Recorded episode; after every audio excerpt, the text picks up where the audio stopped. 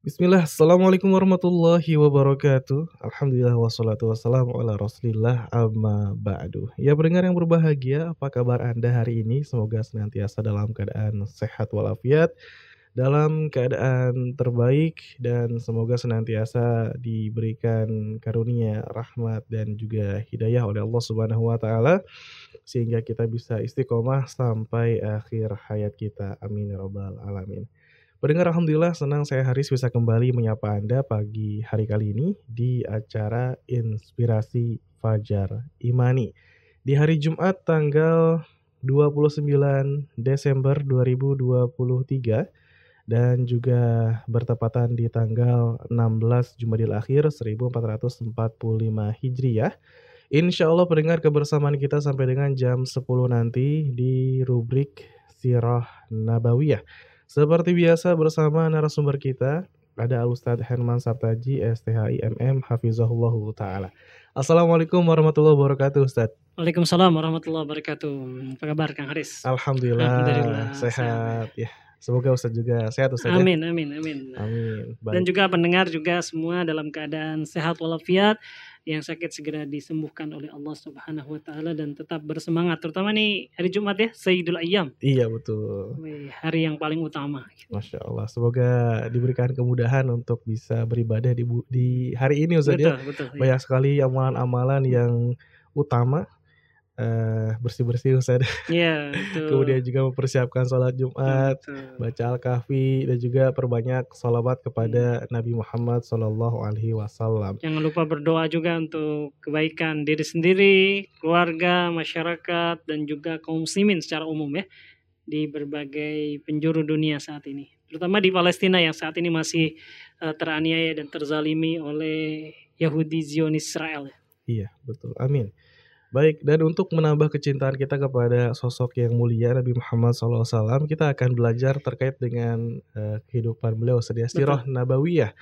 Nah kemarin itu kita sudah membahas perihal dengan masa remaja dan juga masa muda Nabi Muhammad SAW ada tiga peristiwa Ustaz ya yeah. yang disampaikan. Nah sekarang kita akan masuk di bab pernikahan Nabi dengan Khadijah. Ya. ya. Seperti apa kisahnya? Mudah-mudahan ini bisa menjadi inspirasi buat kita semua dan kita bisa meneladani beliau dari segala hal. Dan kali ini kita akan lebih mengenal beliau di pernikahan pertamanya Ustaz ya, ya dengan sosok wanita yang mulia juga yaitu Khadijah radhiyallahu anha.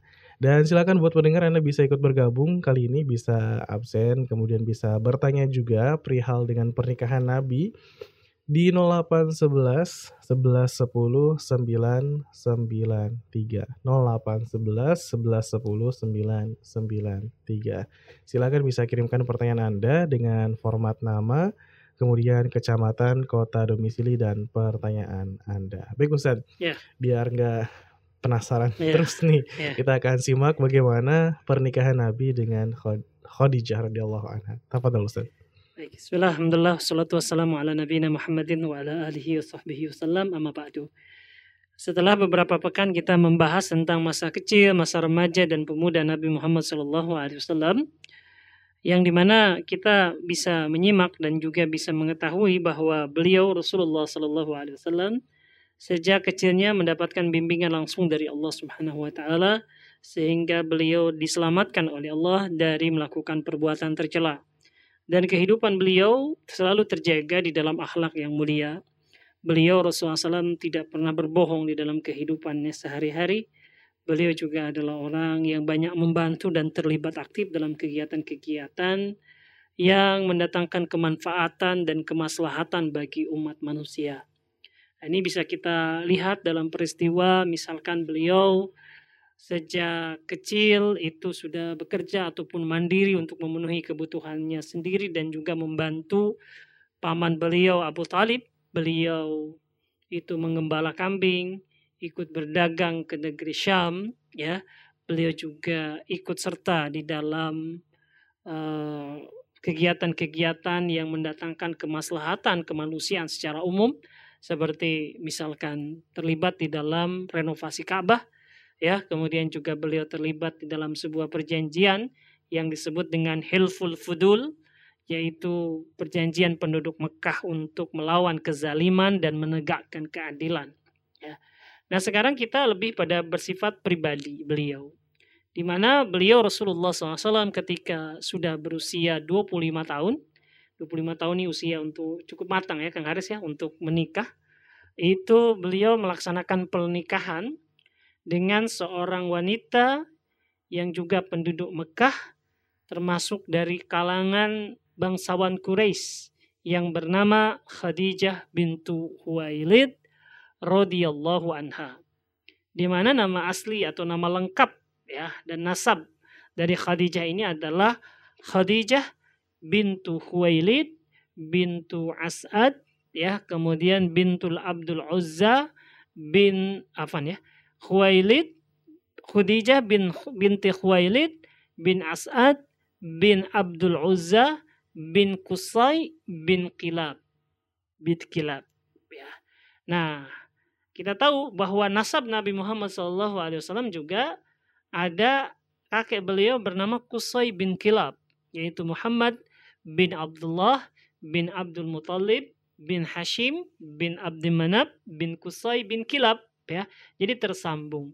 Nah, siapa yang memiliki kakek atau tersambung dengan nama sosok Kusai bin Kilab, berarti ini adalah pemilik garis keturunan yang terbaik di kalangan masyarakat Quraisy. Karena orang Quraisy sangat mengagumi, sangat memuliakan orang yang bernama Kusai bin Kilab yang merupakan keturunan Nabi Ismail. Dialah yang disebut dengan bapak Quraisy modern yang membentuk Quraisy.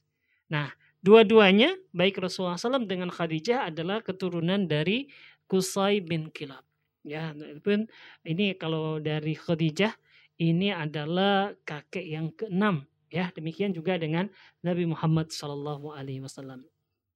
Nah, bagaimana prosesi pernikahan ini sampai terjadi? Ya, ya hadirin rahimakumullah, Nabi Muhammad SAW tadi kita katakan adalah yang secara usia sudah matang untuk menikah dan para nabi Allah Subhanahu wa taala semuanya mereka adalah menikah ya dan ini bisa kita dapatkan di dalam Al-Qur'anul Karim bahwa menikah ini termasuk kebiasaan ataupun juga ciri para nabi mereka akan menikah ya. Nah, misalkan di dalam Al-Qur'anul Karim ketika Allah Subhanahu wa taala berfirman tentang apa yang dikatakan atau apa yang menjadi doa Nabi Zakaria ya Allah Subhanahu wa taala berfirman dalam surat Al-Anbiya ayat ke-89 Wa Zakaria idna nada rabbahu Rabbi la tadarni fardan wa anta khairul warisin. Ya. Dan ingatlah kisah Zakaria ketika dia berdoa kepada Rabbnya. Wahai Tuhanku, wahai Rabbku, janganlah engkau membiarkan aku hidup seorang diri. Ya, artinya bahwa Nabi Zakaria juga ingin menikah, ya, dan engkaulah waris yang paling baik, ya. Kemudian di dalam ayat yang lain Quran surat Ar-Ra'd ayat ke-38 Walaqad arsalna rusulan min qablika wa ja'alna lahum azwajan wa. Ya. Dan sesungguhnya kami telah mengutus beberapa mengutus rasul-rasul sebelum engkau dan kami berikan kepada mereka istri-istri dan keturunan. Ya. Jadi termasuk sunnah para nabi adalah mereka menikah. Ya, dan demikian juga dengan Nabi Muhammad SAW ketika usia beliau sudah cukup, untuk menikah, maka beliau menikah. Ya. Dengan siapa yang tadi kita sebutkan? Dengan seorang yang bernama Khadijah bintu Huwailid yang merupakan wanita Quraisy yang termulia. Ya. Dari mana Nabi Muhammad SAW bisa kemudian menikahi Khadijah? Jadi rahimahumullah kita uh, menceritakan bahwa Khadijah ini adalah sosok wanita yang berstatus janda. Ya atau sudah menikah sebelumnya. Bahkan para ahli sejarah mengatakan bahwa Khadijah itu sudah menikah dua kali ya sebelum menikah dengan Nabi Muhammad SAW dan mantan suaminya dua-duanya sudah meninggal. Artinya bahwa Khadijah ini janda karena uh, cerai meninggal ya atau cerai mati dalam bahasa kita ya yaitu suaminya dulu namanya Atik bin Ais al-Mahzumi dan juga Abu Halah ibnu An-Nabasi At-Tamimi ya ini adalah dua orang Eh, suami Khadijah sebelum menikah dengan Nabi Muhammad SAW dan keduanya meninggal ya waktu menikah dengan Khadijah. Jadi tapi walaupun dia adalah seorang janda, tetapi Khadijah ini memiliki posisi yang terhormat di tengah-tengah masyarakat dan dia sangat diinginkan ya untuk dinikahi oleh eh, laki-laki uh, Quraisy. Dikarenakan Khadijah ini memiliki akhlak yang mulia, dia juga memiliki kecerdasan dan juga terkenal sebagai seorang saudagar ya, saudagar wanita Quraisy yang sangat-sangat kaya raya ya. Uh, dan Khadijah ini ya, kenapa beliau ini mau ya dinikahi oleh Nabi Muhammad wasallam? Para ahli sejarah mengatakan bahwa sebenarnya inisiatif pernikahan itu adalah dari Khadijah. Karena Khadijah ini uh, radhiyallahu anha jadi ketika dia dalam posisi uh, sudah meninggal suaminya dan kemudian dia juga memiliki anak dan juga memiliki urusan yang tentu memerlukan uh, seorang suami ya waktu itu Khadijah sudah mendengar ada sosok pemuda ya yang juga terkenal akhlaknya, terkenal agamanya bagus, terkenal juga kejujurannya bernama Muhammad Shallallahu Alaihi Wasallam. Ya, maka Khadijah ketika itu yang kebetulan dia memerlukan seorang yang akan membawa barang dagangannya, barang niaganya uh, ke tempat yang jauh, itu meminta bantuan atau jasa Nabi Muhammad Shallallahu Alaihi Wasallam yang ketika itu masih usia pemuda untuk membawa barang dagangannya. Ya, maka kemudian Nabi Muhammad SAW pun bekerja pada Khadijah sebagai pembawa barang dagangannya yang di mana beliau akan mendapatkan bagi hasil dari barang dagangan milik Khadijah yang terjual. Ya dan ketika itu uh, akan menuju ke arah negeri Syam ya. Dan Khadijah juga menyertakan ya asistennya atau pembantunya bernama Maisarah seorang laki-laki untuk mengawasi dan juga e, menemani Nabi Muhammad SAW dalam berdagang. Ya, sehingga cerita kemudian mereka berdagang ke negeri Syam atau ke arah negeri Syam, lantas kemudian kembali lagi. Ya, kembali lagi dengan membawa keuntungan yang besar buat Khadijah dan juga buat Nabi Muhammad SAW. Ya, tentu Khadijah sangat senang sekali dengan hasil dari perdagangan ini. Dan dia lebih senang ketika mendapatkan bahwa apa yang diceritakan oleh uh, pembantunya, asistennya yang bernama Maisarah, ternyata benar-benar ya nampak sekali di dalam perjalanan dan juga di dalam muamalah perdagangan itu Nabi Muhammad SAW memperlihatkan sesuatu yang istimewa ya yaitu beliau Rasulullah Shallallahu Alaihi Wasallam jujur ya di dalam perniagaan. Kemudian juga beliau Rasulullah SAW juga punya teknik-teknik tertentu ya di dalam perdagangan yang menyenangkan buat para pembelinya atau rekan bisnisnya seperti memudahkan harga dan yang lain-lainnya. Ya dan kelebihan-kelebihan lain yang diceritakan oleh Maisarah. Maisarah juga mendapatkan melihat keberkahan-keberkahan ya dari Rasulullah Shallallahu Alaihi Wasallam juga bagaimana akhlak dan keajaiban-keajaiban yang dilihat oleh Maisarah ketika di dalam perjalanan. Ya. Nah, setelah e, bermuamalah dengan Rasulullah Shallallahu Alaihi Wasallam melihat kejujuran Nabi dalam urusan perdagangan atau dalam masalah uang, gitu ya. Ditambah juga di dalam masalah perjalanan juga beliau menampakkan ya ataupun memperlihatkan akhlak yang mulia, kesetia kawanan dan yang lain-lainnya. Ya, ini membuat Khadijah semakin yakin bahwa pemuda ini adalah sosok yang patut untuk yang sangat layak untuk mendampinginya sebagai seorang suami. Ya, akhirnya kemudian Khadijah mengutus keluarganya atau memberikan sinyal kepada uh, keluarga Nabi Muhammad SAW kalau Rasulullah SAW tertarik untuk menikahi Khadijah, silahkan keluarga Nabi datang kepada keluarga Khadijah untuk melamar Khadijah sebagai istri Nabi Muhammad Sallallahu Alaihi Wasallam. Kurang lebih ceritanya seperti itu ya. Itu singkat ceritanya. Tetapi uh, memang kisahnya uh, sesingkat itu ya. Tetapi ada beberapa pelajaran ataupun juga uh, mungkin faidah yang bisa kita ambil. Yaitu pertama bahwa Khadijah itu melihat ya interaksi dengan Nabi Muhammad SAW ketika beliau uh, safar perjalanan jauh Kemudian juga bagaimana interaksi beliau di dalam masalah harta. Amanahnya beliau untuk menilai kebagusan akhlak seseorang. Ya. Sebab orang itu boleh jadi dia di depan kita atau di hadapan orang lain dia akan menampakkan sesuatu akhlak yang bagus.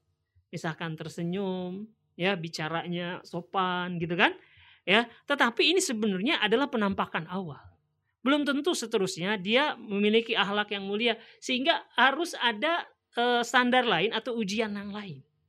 Gitu ya. Nah, Khadijah melihat pada diri Rasulullah Shallallahu alaihi wasallam akhlak yang bagus itu melalui satu perjalanan yang uh, ataupun suatu pengalaman yang sangat luar biasa yaitu dia mendengarkan pengalaman dari asisten yang dia percaya yang bernama Maisarah bagaimana akhlak beliau ketika di dalam perjalanan.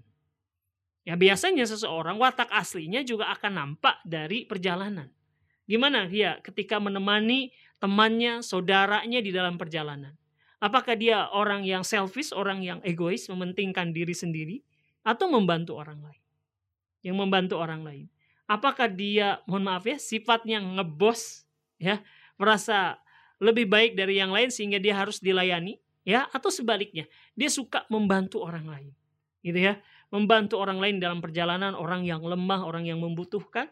Dan itu nampak pada diri Nabi sebagai orang yang memang dia adalah sosok yang selalu melayani orang-orang yang lemah ya. Beliau Rasulullah SAW suka membantu ya suka membantu orang lain menaikkan barang dagangannya atau barangnya ke ala ke kendaraan atau ke untanya ya. Itu nampak sekali ya di dalam perjalanan itu ya. Jadi beliau tidak egois beliau rendah hati beliau membantu orang lain. Itu nampak dalam perjalanan ya. Dan bagaimana akhlak beliau ketika berinteraksi dengan keuangan. Boleh jadi orang dia pandai bicara tentang agama. Boleh jadi seseorang itu boleh dia berbicara tentang uh, pahala berbicara tentang dosa gitu kan. Itu secara teori saja mungkin ya. Tapi prakteknya bagaimana? Misalkan di dalam masalah uang ya, dalam masalah bisnis, amanah nggak dia? Misalkan dia harus memberikan bagi hasil kepada pemilik modal sekian. Gitu kan? Dari penjualan jumlah sekian. Tepat nggak dia memberikan itu? Atau dia bilang bahwa ini hasilnya sekian ya, padahal yang sebenarnya lebih banyak demi mendapatkan keuntungan pribadi gitu ya. Dan itu nampak pada Rasulullah bagaimana kejujuran beliau di dalam masalah urusan harta. Ya, maka Khadijah yakin sekali ya bahwa setelah asistennya, orang yang dia percaya melakukan perjalanan dengan Nabi Muhammad SAW, kemudian juga melakukan transaksi ekonomi, dan dapatkan bahwa Nabi Muhammad SAW adalah sangat terpuji akhlaknya, maka yakinlah dia untuk menikahi Nabi Muhammad SAW. Nah, ini juga uh, bisa kita praktekkan ya ketika ingin menilai seseorang ya. Mungkin mungkin Bapak dan Ibu mau uh, ngambil menantu gitu ya atau seorang uh, uh, su apa namanya seorang suami calon suami atau laki-laki ingin mengambil seorang menjadi istri atau sebaliknya seorang perempuan ingin menjadikan seseorang sebagai suami ini bisa dilihat track recordnya lewat perjalanan dan bagaimana interaksi dia dengan Eh, perjalanan waktu di perjalanan ataupun waktu berinteraksi dengan urusan keuangan gitu ya. Nah, terlihat akhlaknya benar apa enggak gitu kan. Dan ini pernah juga terjadi di zaman Khalifah Umar bin Khattab. Pada suatu hari Umar bin Khattab ingin mengadili suatu perkara. Amirul Mukminin radhiyallahu anhu ini ingin mengadili suatu perkara. Ya, maka ada satu seorang yang akan dimintai keterangan. Ya, tapi Umar tidak kenal orang ini siapa dan dia memerlukan persaksian orang lain bahwa orang yang akan dimintai keterangannya ini adalah eh, orang yang dapat dipercaya atau tidak. Maka datang seseorang ya dikatakan bagaimana ya menurutmu wahai orang yang akan dijadikan saksi ini terhadap orang yang akan saya adili ini. Bagaimana pendapatmu? Apakah engkau benar kenal dia? Oh iya saya kenal dia. Bagaimana orang ini? Ya. Kata orang ini saya tahu orang ini adalah orang yang soleh. Ya. Orang yang akan Anda adili ini adalah orang yang soleh. Ya, kata Umar, sebentar, sebentar. Anda bilang Anda ini tahu bahwa orang ini soleh? Iya. Benar Anda mengenal? Iya, saya kenal. Ya, kata Umar, apakah engkau ini tetangganya, tetangga dekatnya? Sehingga engkau tahu apa yang dilakukannya, bagaimana ketika dia datang ke rumah, keluar rumah. Sehingga engkau benar-benar tahu dia. Oh enggak, saya bukan tetangganya. Saya orang jauhnya, tetangga jauhnya. Oh, tetangga jauh ya. Ya. Kemudian kata Umar Ibn Khattab radhiyallahu an, ya tanya lagi. ya, apakah engkau itu pernah berurusan uang dengannya? Ya, sehingga engkau tahu orang ini adalah orang yang sangat berhati-hati dalam masalah urusan keuangan. Oh enggak, saya nggak pernah jual beli, nggak pernah utang piutang, nggak punya pinjam meminjemi, nggak pernah. Oh. Yang ketiga, kata Umar, ya, apakah engkau pernah menyertainya di dalam safar atau perjalanan yang panjang sehingga engkau benar-benar tahu perangainya? Oh enggak pernah juga saya. Ya, kata dia pergilah engkau sesungguhnya engkau tidak pernah mengenal dia. Jadi apa yang kau katakan saya kenal dia bahwa dia orang yang saleh itu nggak terbukti ya. Sebab Anda nggak pernah bersafar dengannya. Anda bukan tetangganya ya dan Anda tidak pernah berurusan dengan eh, uang dengannya. Bagaimana Anda bisa menyimpulkan bahwa dia adalah orang yang saleh? Nah, jadi ini ini apa namanya mungkin faedah yang bisa kita ambil ya seseorang itu kita akan kenal watak aslinya, bagaimana akhlaknya. Salah satunya adalah lewat perjalanan panjang atau safar dan yang kedua adalah lewat interaksi keuangan ya urusan bisnis dan yang lainnya gitu ya nah ini yang pertama ya yang kedua uh, bahwa Nabi Muhammad Shallallahu Alaihi Wasallam itu menikahi Khadijah ya bukan hanya karena Khadijah itu juga uh, mengenal Nabi Muhammad SAW sedemikian mulianya Nabi juga mengenal Khadijah ini sebagai sosok yang mulia tadi kita katakan bahwa Khadijah ini ya walaupun sudah menikah dua kali, banyak orang-orang Quraisy yang menginginkan untuk menikahi Khadijah. Karena Khadijah adalah sosok yang juga memiliki akhlak yang mulia. Bahkan orang-orang Mekah itu menggelari Khadijah itu dengan uh, at-tahirah, ya, seorang yang artinya adalah wanita suci ya dan juga al-afifah, wanita yang menjaga atau terjaga kehormatannya karena Khadijah sejak lama dia tidak pernah mengikuti adat-adat jahiliyah. Tidak pernah terjatuh kepada perzinahan ataupun hal-hal buruk lainnya. Ya, nah demikian ya ketika kita usahakan ketika memilih calon suami ataupun calon istri ya yang memiliki kriteria tersebut yang menjaga kehormatannya ya dan dia selalu uh, terlindungi ya dari perbuatan-perbuatan yang tercela. Nah, kemudian uh, pendengar yang dirahmati oleh Allah Subhanahu wa taala, Nabi Muhammad Shallallahu alaihi wasallam itu uh, menikahi Khadijah ketika beliau berusia 25 tahun, ya. Sementara usia Khadijah ketika dinikahi oleh Nabi Muhammad wasallam ahli sejarah terbagi menjadi dua pendapat. Ada yang mengatakan usianya adalah 40 tahun ketika dinikahi oleh Nabi Muhammad SAW. Ini adalah pendapat yang disebutkan oleh Al-Waqidi ya yang berasal dari riwayat Ibnu Sa'ad ya Ibnu Sa'ad rahimahullah di dalam kitabnya At-Tabaqat. Dan ini yang termasuk di kita ya di Indonesia ini di, uh, banyak yang mengatakan bahwa Khadijah ketika dinikahi oleh Nabi berusia 40 tahun gitu. Nah, kemudian ada riwayat yang lain yaitu Ibnu Ishaq. Ya, Ibnu Ishaq mengatakan bahwa Khadijah ketika dinikahi oleh Nabi berusia 28 tahun. Ya. Nah, sebenarnya pendapat Ibnu Ishaq ini yaitu Khadijah berusia 28 tahun itu lebih masyhur di kalangan para ahli sejarah. Artinya lebih terkenal. Kenapa? Karena memang referensi sirah nabawiyah, referensi biografi kehidupan Nabi Muhammad SAW itu yang paling masyhur, yang paling terkenal dan banyak diriwayatkan ulang oleh ahli sejarah ataupun juga para penceramah yang berbicara tentang biografi kehidupan Nabi itu adalah dari riwayat-riwayat Ibnu Hisham, Ibnu Hisham, ya, atau Ibnu Hisham dari Ibnu Ishaq, gitu. Tapi sayang di kita untuk usia ya pernikahan Khadijah ini yang terkena adalah pendapat Ibnu Sa'ad yang disebutkan oleh Al-Waqidi yaitu berusia 40 tahun. Tapi dua pendapat ini memang dua-duanya adalah lemah. Ya. Uh, yang mengatakan bahwa Al-Waqidi mengatakan usia 40 tahun dikatakan bahwa riwayat atau status hadisnya sendiri adalah hadis matu tidak dianggap riwayatnya ya tidak dianggap riwayatnya mendekati palsu Ya. Sementara riwayat yang mengatakan usianya 28 itu juga dibawakan tanpa menyebutkan sanadnya. Ya, jadi dari segi riwayat ini ya nggak ada yang kuat itu. Tetapi ada yang menguatkan bahwa misalkan Khadijah itu usia 28 tahun secara akal ya bahwa Nabi Muhammad SAW mendapatkan anak dari Khadijah itu sampai enam orang anak yaitu Al Qasim, Abdullah, Ruqayyah, Ummu Kulsum, Zainab dan Fatimah. Ya, enam orang anak.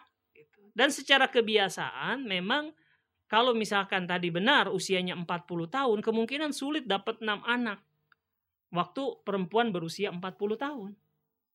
Sementara kalau 28 lebih mungkin. Gitu ya, lebih mungkin. Tapi wallahu alam kita tidak uh, tidak ingin uh, mempertentangkan antara 40 28. Kalaupun 40 tahun nggak masalah gitu kan? Nggak masalah karena memang uh, zaman dahulu wanita-wanita zaman dahulu juga kuat-kuat. Gitu ya. Kuat-kuat ya. Tapi Nabi Muhammad SAW itu menikahi Khadijah ya kemudian mendapatkan anak ya kemudian juga beliau juga Khadijah juga membantu Nabi Muhammad Shallallahu Alaihi Wasallam dengan bantuan yang sangat luar biasa di masa-masa Islam ya. Membuat ya Khadijah itu memiliki posisi di hati Rasulullah SAW ya. Dan banyak sekali keutamaan keutamaan Khadijah ya. Coba kita bacakan beberapa keutamaan Khadijah. Yang pertama Khadijah adalah wanita terbaik di zamannya. Rasulullah SAW bersabda, khairu nisaiha Maryam ibnatu Imran wa khairu nisaiha Khadijah. Sebaik-baik wanita dunia ya di masa lampau adalah Maryam bintu Imran. Dan sebaik-baik wanita dunia saat ini adalah Khadijah. Ya. Gitu. Ya di zamannya masing-masing. Ya. Kemudian Khadijah tidak akan pernah hilang dari benak Rasulullah SAW Nabi setelah Khadijah meninggal dunia menikahi lebih dari lima wanita. Ya, semuanya berstatus janda hanya Aisyah radhiyallahu anha saja yang dinikahi dengan statusnya yang belum menikah. Gitu ya. Tapi walaupun menikah berkali-kali setelah meninggalnya Khadijah, Khadijah itu tetap dicintai oleh Nabi Muhammad Shallallahu Alaihi Wasallam sampai-sampai istri-istri yang lain cemburu padahal Khadijah sudah nggak ada. Ya. Nah, ini disampaikan oleh Aisyah radhiyallahu anha, dia pernah berkisah ya. Dia mengatakan yang artinya aku tidak pernah cemburu kepada seorang pun dari istri-istri Nabi melebihi kecemburuanku kepada Khadijah. Padahal aku tak pernah bertemu dengannya. Gitu ya.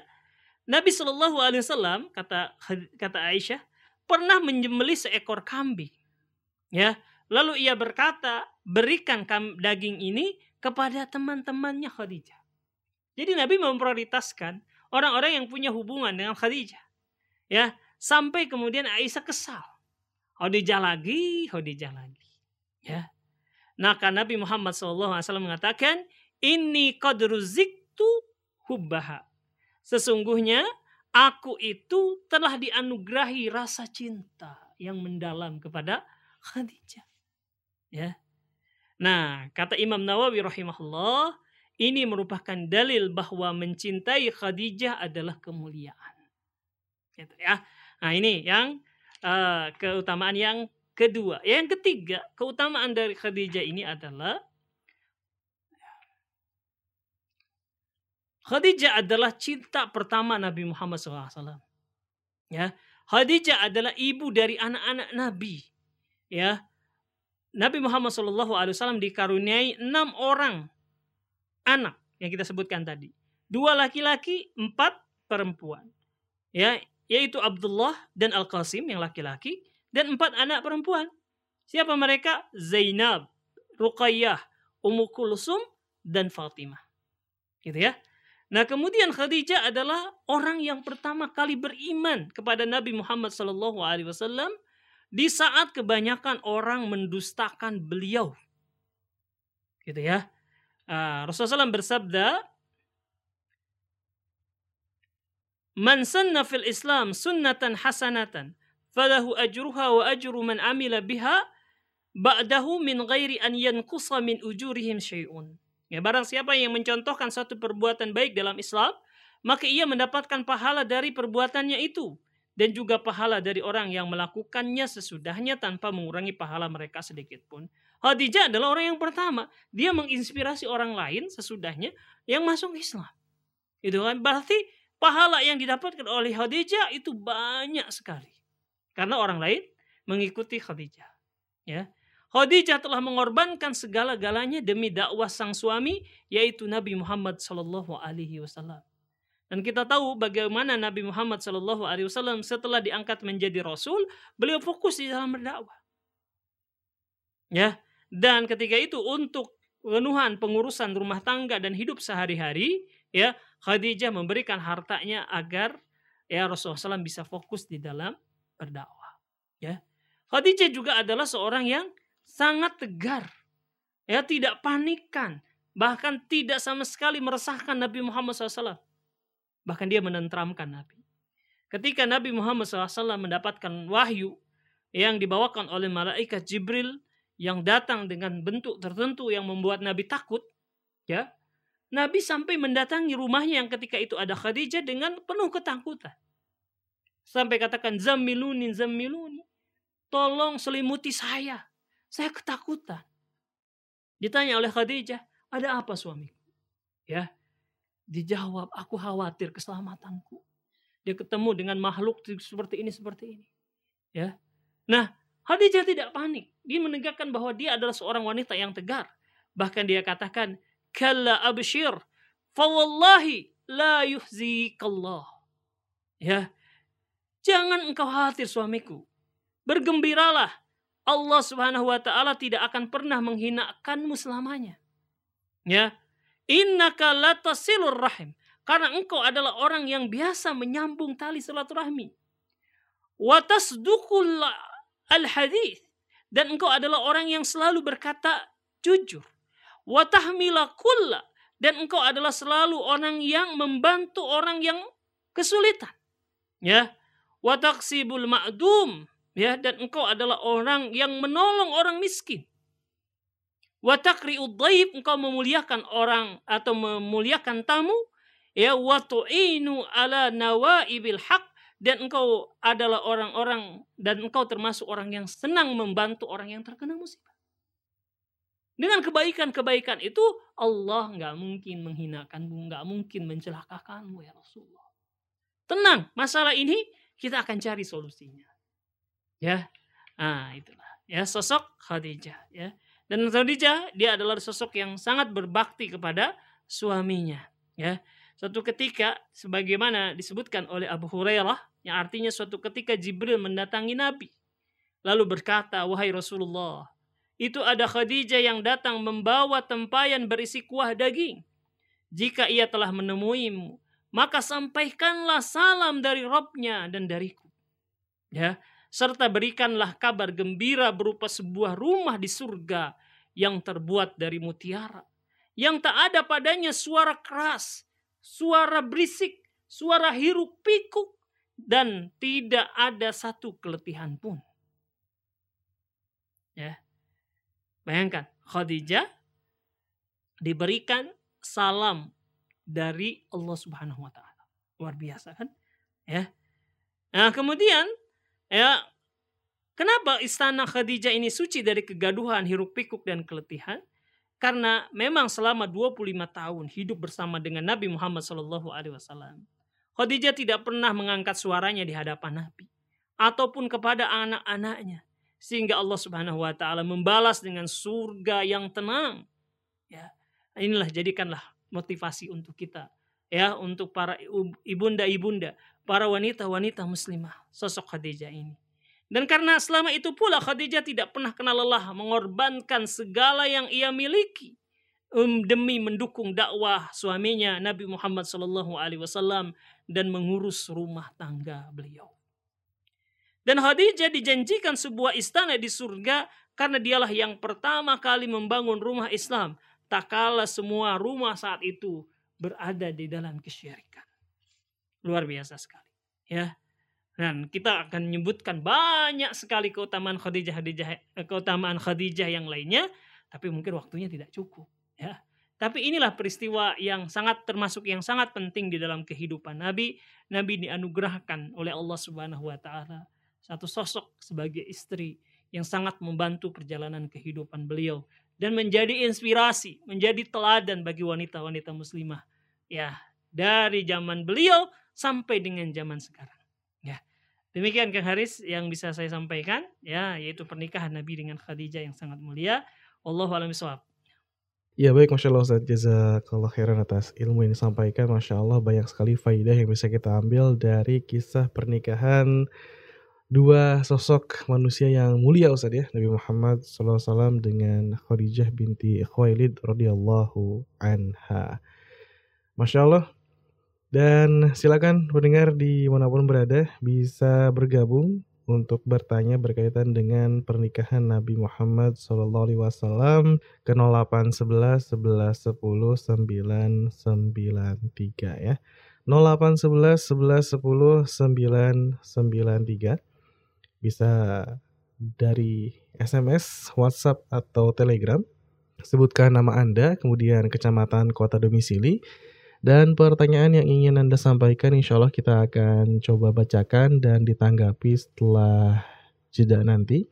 Dan pendengar tetap stay tune di 99.3 Fajr FM, suara kebangkitan Islam.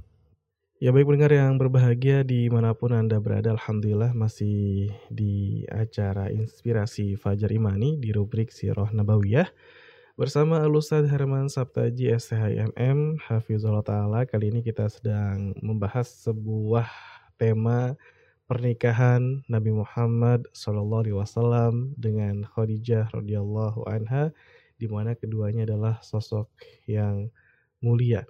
Begitu banyak keutamaan-keutamaan dari istri Nabi ini, dari Khadijah radhiyallahu anha uh, dikatakan tadi bahwa beliau adalah wanita terbaik di zamannya ya. Dan silakan buat pendengar yang ingin bertanya bisa ke 0811 11 10 993 SMS WhatsApp Telegram dan bisa sebutkan nama Anda, kecamatan, kota domisilinya dan pertanyaan Anda. Baik Ustadz, langsung kita akan yeah. ke sesi tanya jawab dan juga diskusi. Ada beberapa pertanyaan yang uh, sudah masuk. Kalau yang lain mungkin absen-absen aja Ustaz ya. Kita bacakan dulu yang bertanya. Ya. Dari Ibu Iwo. Assalamualaikum. Waalaikumsalam warahmatullahi wabarakatuh. Ini ya. dari Cibinong ya.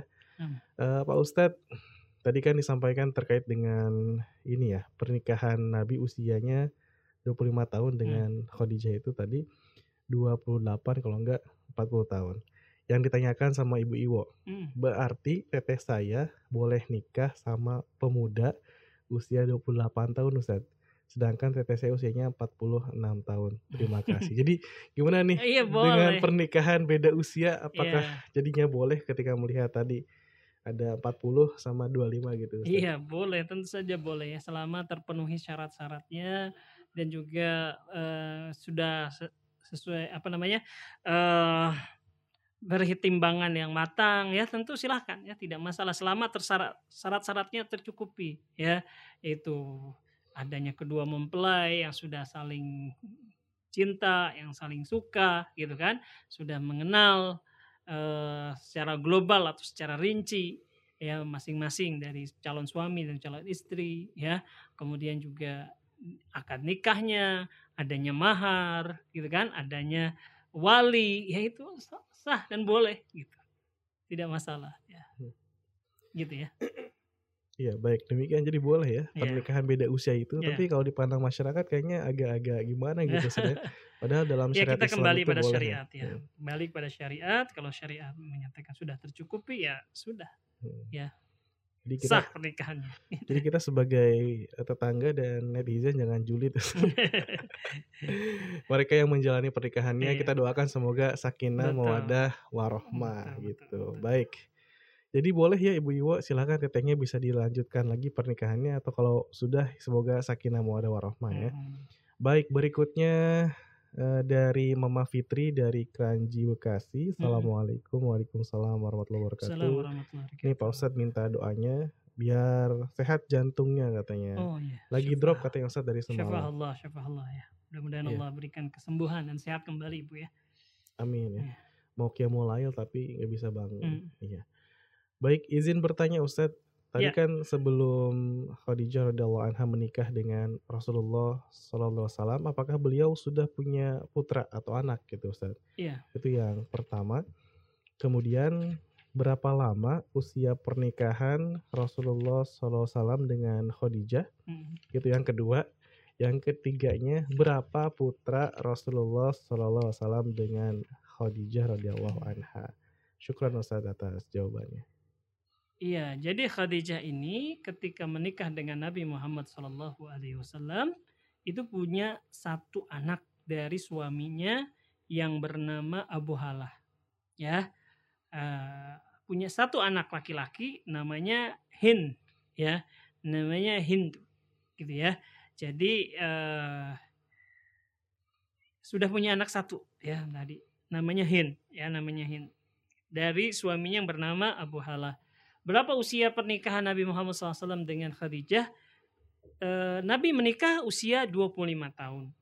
Dan ketika Khadijah meninggal dunia, saat itu Nabi Muhammad SAW berusia 50 tahun. Jadi usia pernikahan Nabi Muhammad SAW dengan Khadijah adalah 25 tahun. Gitu ya. Dua pertanyaan yang terakhir apa tadi? Oh, putranya sudah sudah kita jawab ya tadi. Hmm. Memiliki enam orang anak, dua anak laki-laki dan empat anak perempuan. Gitu. Yaitu yang laki-laki namanya Abdullah dan yang kedua namanya adalah Al-Qasim. Sementara empatnya perempuan yaitu Zainab, Ummu Kulsum, Ruqayyah dan juga Fatimah. Iya, baik Hmm. demikian ya jawaban dari Ustadz. Semoga bisa difahami. Tadi pertanyaan dari Mama Fitri dan semoga Allah Subhanahu wa taala berikan kesembuhan kepada Mama Fitri dan Iya. juga buat pendengar di mana pun berada yang sedang dalam ujian dan juga sakit ya. Berikutnya ada Ilma Nafian ini dari Jakarta. Alhamdulillah nyimak aja dan salam nih buat Ustadz Masya dan semua kru Fajri FM. Semoga berkah umurnya dan sehat selalu. Iya. Amin. Ya, terima kasih sudah bergabung nih Pak Ilman Nafian ya. Jakarta ya. Mm-mm. Berikutnya ini ada pertanyaan dari Pak Ading Ustadz Mm-mm. di Caringin, Bogor. Ya. Ya, Assalamualaikum, Waalaikumsalam warahmatullahi wabarakatuh. Nah ini pertanyaannya eh, Hmm. menarik nih Ustadz. Mm. Pada waktu Nabi Muhammad SAW menikah itu menggunakan syariat apa? Sedangkan saat itu beliau belum jadi Nabi Ustadz ya, Iya. belum ada Islam katanya. Iya. Ini mungkin bisa dijelaskan juga Ustadz. Iya, Silakan. eh, pernikahan Nabi Muhammad Shallallahu Alaihi Wasallam, walaupun ketika itu belum dikukuhkan sebagai sebuah syariat karena Nabi menikah usia 25 tahun dan beliau belum menjadi rasul, belum diangkat jadi rasul, tapi apa yang terjadi dari pernikahan Nabi Muhammad SAW itu memenuhi syarat-syarat pernikahan atau sejalan dengan syariat Islam yaitu bahwa pernikahan itu melibatkan dua mempelai laki-laki dan perempuan. Adanya akad nikah adanya mahar dan adanya eh, saks- eh, adanya wali perempuan. Ya wali perempuan disebutkan apakah ayahnya Khadijah atau pamannya Khadijah memang eh, masih belum jelas ya masih yang mana apakah pamannya atau apa. Eh, ayahanda dari Khadijah yaitu Khuwailid yang menikahkan Khadijah dengan Rasulullah Shallallahu Alaihi Wasallam kemudian adanya saksi-saksi ya jadi sudah memenuhi syarat-syarat pernikahan atau sejalan dengan syariat Islam gitu ya jadi eh, tidak tidak mengikuti tata cara pernikahan jahiliyah itu sesuai dengan Islam gitu ya. Allahu a'lam bishawab. Baik, masya Allah. Begitu ya satu pertanyaan itu ya. Iya Ya betul. itu tadi tentang Hmm. tata caranya. Baik demikian ya pertanyaan dari Pak Ading semoga bisa difahami. Berikutnya Ustadz dari hamba Hmm. Allah ini bagaimana eh, Khadijah radhiyallahu anha itu menunjukkan kesetiaan dan dukungannya yang luar biasa kepada Nabi Muhammad SAW dan bagaimana kita sebagai seorang istri itu bisa meneladani sosok dari istri Nabi Khadijah radhiyallahu anha. Ya, kalau secara detail ataupun banyak pelajaran yang akan kita ambil, hendaknya kita mempelajari sirah itu memang secara detail. Ya, tidak seperti episode sekarang kita hanya menjelaskan pernikahan dengan Nabi Muhammad SAW. Nanti eh, di episode-episode selanjutnya kita akan juga membahas peran Khadijah, ya, Iya. terutama ketika di masa-masa awal Islam. Tapi dari yang tadi kita sampaikan nampak sekali bagaimana peran Khadijah ya baik sebelum Islam maupun juga sesudah Islam. Sebelum Islam Khadijah itu adalah menjadi uh, istri Nabi Muhammad SAW yang baik yang kemudian memberikan beliau Rasulullah SAW anak-anak baik anak laki-laki maupun perempuan ya Khadijah juga mendukung kegiatan Nabi Muhammad SAW di masyarakatnya. Khadijah juga kemudian setelah Islam juga bertambah perannya. Dia adalah wanita yang pertama kali masuk Islam.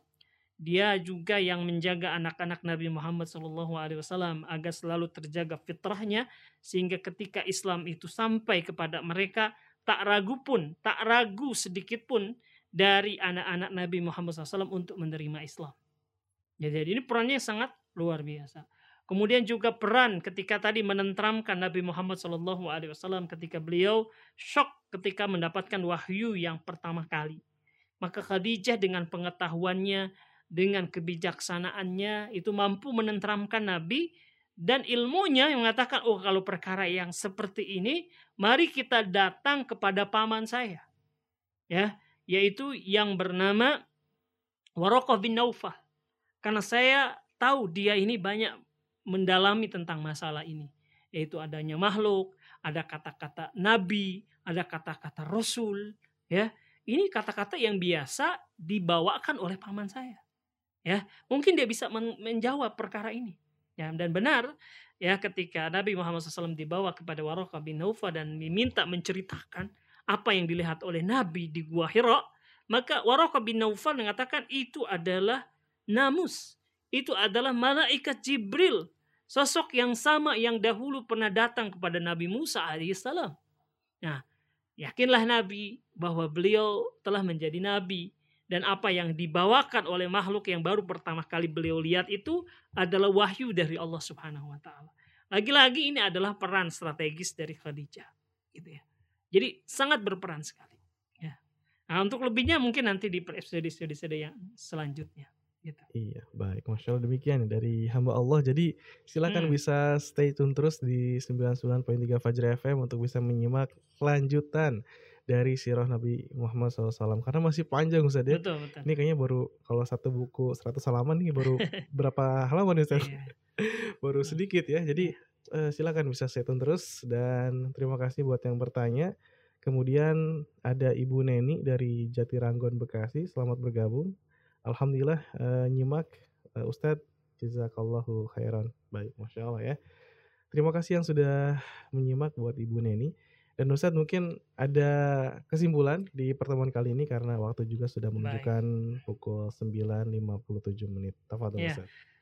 Uh, pendengar Fajri di mana saja Anda berada, ini kita membahas salah satu episode ya uh, yang penting sebelum kenabian yaitu pernikahan dengan Nabi Muhammad Shallallahu alaihi wasallam peristiwa-peristiwa yang sebelumnya yaitu beliau menggembala kambing, beliau ikut serta dalam Hilful Fudul ya, pembangunan Ka'bah dan yang lainnya juga memberikan asar ataupun dampak bagi kehidupan beliau sesudah menjadi nabi ya. Tapi pernikahan dengan Khadijah itu impactnya atau dampaknya terhadap beliau sesudah pernikahan itu luar biasa jauh lebih besar dibandingkan dengan yang lainnya. Karena Khadijah ini berperan sangat luar biasa ketika di masa Islam ya setelah Nabi Muhammad SAW mendapatkan wahyu dan setelah beliau berdakwah kepada Allah Subhanahu wa taala.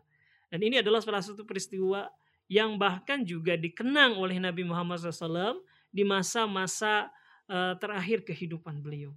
Bagaimana beliau selalu terkenang dan menghargai jasa-jasa dari Khadijah. Nah, apa faidahnya bagi kita? Ya, bagi uh, para pemuda ataupun para pemudi ya hendaknya kita menjadikan pernikahan Nabi Muhammad SAW ini sebagai kisah yang akan membantu kita untuk menentukan ya ke mana arah pernikahan yang akan dilakukan. Pilihlah selalu ya eh, calon suami, calon istri dengan standar yang disebutkan di dalam Islam. Apa standar di dalam Islam itu? ya yaitu hendaknya kita memilih calon itu baik agamanya baik akhlaknya ya Rasulullah SAW mengatakan idza ja'akum man tardawna dinahu ya wa khuluquhu fa'ankihu illa taf'alu takun fitnatun fil ardi wa fasadun. Jika datang kepada kalian seorang laki-laki yang kalian ridhoi agama dan akhlaknya. Ya, maka nikahilah nikahkanlah ia dengan anak-anak perempuan kalian jika tidak sungguh akan terjadi musibah dan kerusakan di muka bumi ini. Ya lihat ya Nabi Muhammad SAW memisahkan antara akhlak dengan agama. Ya, padahal ya ada yang menyatakan sama bahwa akhlak dengan agama itu adalah satu bagian ya. Tapi nabi di konteks ini memisahkan antara agama dengan akhlak. Kenapa? Karena ada orang yang menampakkan agama itu bagus. Ya mohon maaf sesuatu yang bersifat fisik misalkan. Wah ini jenggotnya tebal wah ini mukanya kayaknya glowing karena sering wudhu gitu ya tapi belum tentu yang seperti itu ya belum tentu seorang itu harus diuji akhlaknya juga. Ya jangan hanya melihat sesuatu dari sifat yang fisik-fisik gitu kan. Tapi nanti kelihatan di dalam kehidupan sehari-hari misalkan. Ya agamanya terlihat bagus tapi akhlaknya buruk. Ya akhlaknya bobrok misalkan. Ya misalkan dia tidak amanah. Kasar dengan ucapannya. Tidak menghargai orang lain. Ya atau misalkan ya eh, terlalu gampang menerabas hal-hal yang haram, terlalu mudah berhutang. Ini kan membahayakan. Maka Nabi menyebutkan, ya kalau datang kepada kalian orang laki-laki yang baik agamanya, baik akhlaknya. Nah, maka kita harus pakai standar itu. Ya bagi seorang perempuan ketika dia diberikan eh, keleluasaan untuk memilih calon suami, ingat kriteria ini. Baik agamanya, baik akhlaknya. Gitu ya. Demikian juga ya seorang calon suami ketika memilih calon istri. Demikian juga seorang calon mertua ketika memilih calon menantu. Gitu ya. Tapi hal ini merupakan pertolongan dari Allah Subhanahu wa taala. Nabi dipilihkan istri yang terbaik untuk mengarungi bahtera dahsyatnya ujian dakwah nanti. Dan ini adalah pertolongan dari Allah Subhanahu wa taala kepada Nabi Muhammad sallallahu alaihi wasallam disertakan istri yang terbaik. Demikian Allah a'lam Assalamualaikum warahmatullahi wabarakatuh. Baik Ustaz, Waalaikumsalam warahmatullahi wabarakatuh. Jazakumullah khairan kafiran atas ilmu ini sampaikan, atas waktunya. Semoga berkah dan bermanfaat. Dan terima kasih juga buat pendengar yang sudah bertanya hari ini, yang sudah absen. Semoga kajian kita di acara Inspirasi Fajar Imani di rubrik Sirah Nabawih ini bisa kita ambil faidahnya dan mudah-mudahan kita punya pasangan yang baik, yang soleh, soleha. Amin ya robbal alamin. Pendengar saya Haris, pamit undur diri. Subhanakallahumma bihamdika asyhadu an la ilaha illa anta astaghfiruka wa atubu ilaik. Wassalamualaikum warahmatullahi wabarakatuh.